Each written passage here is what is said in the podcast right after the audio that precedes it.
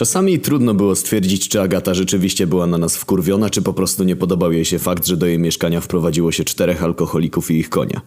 To znaczy, rumaki zostawiliśmy w garażu, gdzie ledwo się mieściły, ale przynajmniej nie musieliśmy się martwić, że ktoś się przyuważy. W każdym razie, z racji tego, że nasze mieszkanko zostało, lekko mówiąc, rozpierdolone, tymczasowo ulokowaliśmy się u dziewczyny wojny. Idealnie się złożyło, bo jej rodzice byli akurat na jakimś miesięcznym służbowym wyjeździe, także mieliśmy sporo czasu, żeby nazbierać pieniądze na nowe lokum.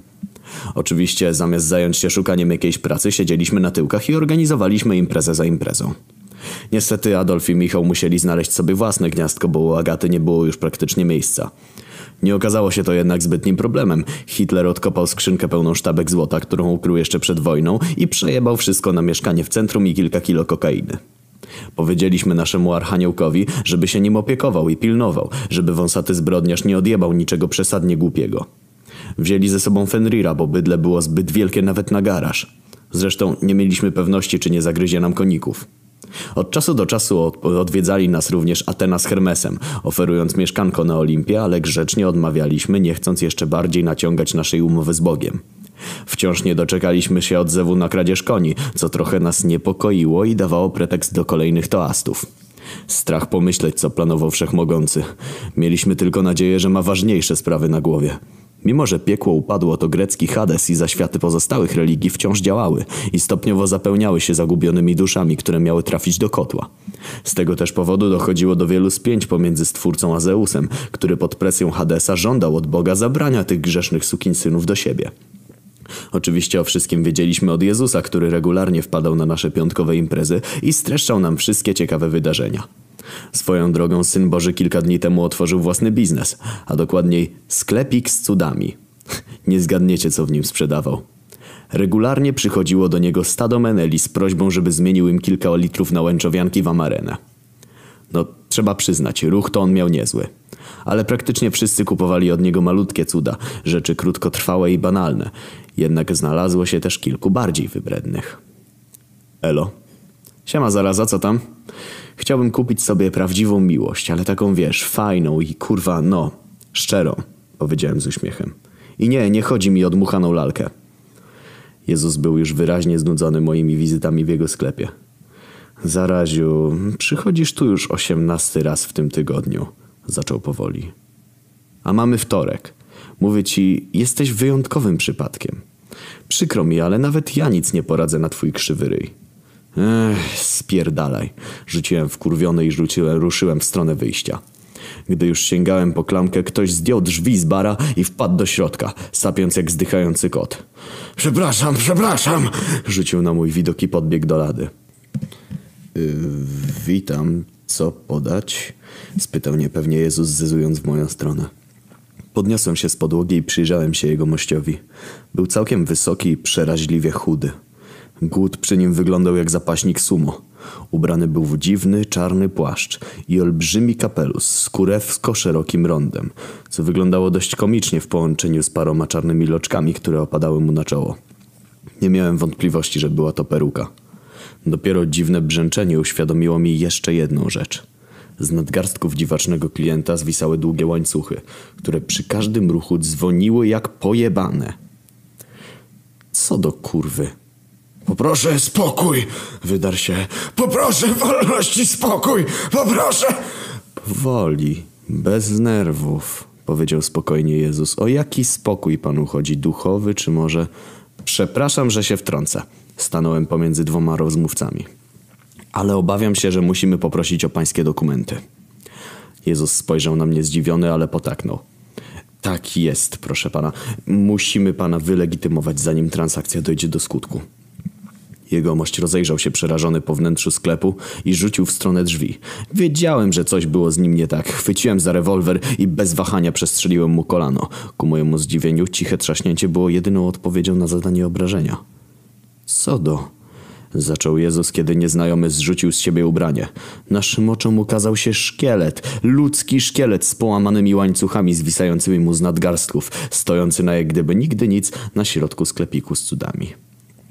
Ty śmieciu, szepnął Jezus i rzucił się na uciekiniera z Hadesu. Ty pierdolona kurwo, suko jebana w dupę przez własnego rodzonego ojca cholerny. Jezu, nie jestem ekspertem w tych sprawach, ale synowi Bożemu chyba nie wypada mówić takich rzeczy. Wtrąciłem się nieśmiało. W chuju to mam, odpowiedział mi wkurwiony Mesjasz. Wiesz kto to jest? Przez tego śmiecia całe zaświaty mają przejebane. Podczas gdy mój ojciec próbuje to wszystko ogarnąć i naprawić, ten gnój śmie pokazywać się na ziemi jak gdyby nigdy nic i żądać pierdolonego spokoju. Zaraz ci dam kurwa spokój. Wiekuisty kurwa! Przepraszam, przepraszam! Wydarł się Haron przyjmując kolejny cios swoją błyszczącą czaszkę. Ja nie chciałem, ja nie mogłem, ja... W tym momencie w drzwiach sklepu stanął Odyn, ściskając pod ręką kałacha. Jego jedyny żywy kruk siedział na końcu lufy, wymierzony w naszą trójkę leżącą na podłodze. Co tu się kurwa dzieje? Powiedzieliśmy wszyscy jednocześnie. Pół godziny później było już po wszystkim. Dzięki, rzucił Jezus do Harona, który zasłonił go własnymi kośćmi przed serią z karabinu. Nie ma sprawy, odparł przewoźnik zmarłych, przyłączając sobie piszczel w miejsce dłoni. O co mu chodziło? Płacząc z bólu opadłem na najbliższe krzesło. Obrywałem w ramię i klatkę piersiową. Potrzebowałem noża. I to szybko. To, to, to nordycki bóg skurwysyństwa. Wyjaśniłem przez łzy. Mamy z nim na pięku od czasu, gdy niechcący podpierdoliliśmy mu puszka. Zacząłem odpływać. Głosy Harona i Jezusa nagle stały się dziwnie odległe, a ja poczułem, że gdzieś spadam. Błagam, żebym tylko nie zdechł, żebym tylko znowu nie zdechł. Wreszcie otworzyłem oczy i zobaczyłem, że stoję na brzegu jakiegoś jeziora. Podziemnego jeziora. A może to była rzeka? Chuj wie. Wokół mnie widziałem setki tysięcy dusz, tłoczących się na kamienistej plaży. Wszyscy krzyczeli, wymachiwali rękami. Część płakała. W tamtym momencie zrozumiałem, że jestem w Hadesie. Stałem na brzegu Styksu, a na wodzie unosiła się pusta barka. Nie było przewoźnika, nie było Harona. Nikt nie mógł przedostać się na drugą stronę. Wszyscy mogli tylko rozpaczać i patrzeć na zwisające z barki i brzęczące na wietrze połamane łańcuchy. Kurwa! Wydarłem się, kiedy poczułem nóż wsuwający mi się w pierś. Chwilę później ocknąłem się jako zwycięzca w lepkim od spermy łóżku małżeńskim Agaty i Wojny. Brawo! Przeżyłeś śmierć kliniczną, powiedział Głód, podnosząc mnie do pozycji siedzącej. Gdyby nie fakt, że Jezus zadzwonił do Michała, który cię do nas przyniósł, byłbyś już martwy na stałe. Po raz kolejny. Widziałeś się ze Stwórcą? spytał podjarany Wojna. Gdzie on jest? Wyjąkałem, próbując złapać oddech. Gdzie jest kto? Haron. Gdzie jest kurwa mać Haron? Widząc zdezorientowane spojrzenia braci, chwyciłem za telefon. Drżącym palcem wybrałem numer Jezusa. Nie odbierał. Po chwili otrzymałem od niego lakoniczną wiadomość. Spierdolił. Muszę go znaleźć, stwierdziłem. Cały Hades jest zawalony imigrantami z katolickiego piekła, a na brzegu Styksu zbierają się całe tłumy dusz, których nie ma kto przetransportować na drugą stronę. Trzeba to ogarnąć, albo prędzej czy później cały system pierdolnie. Wyprowadzam Venenum. Jedziecie ze mną? Jedziemy, odpowiedziała zgodnie cała trójka. A tak właściwie to gdzie? spytał po chwili śmierć. Uśmiechnąłem się szeroko i wsypałem do kieszeni kilka pudełek amunicji do rewolweru. Odwiedzić starego znajomego.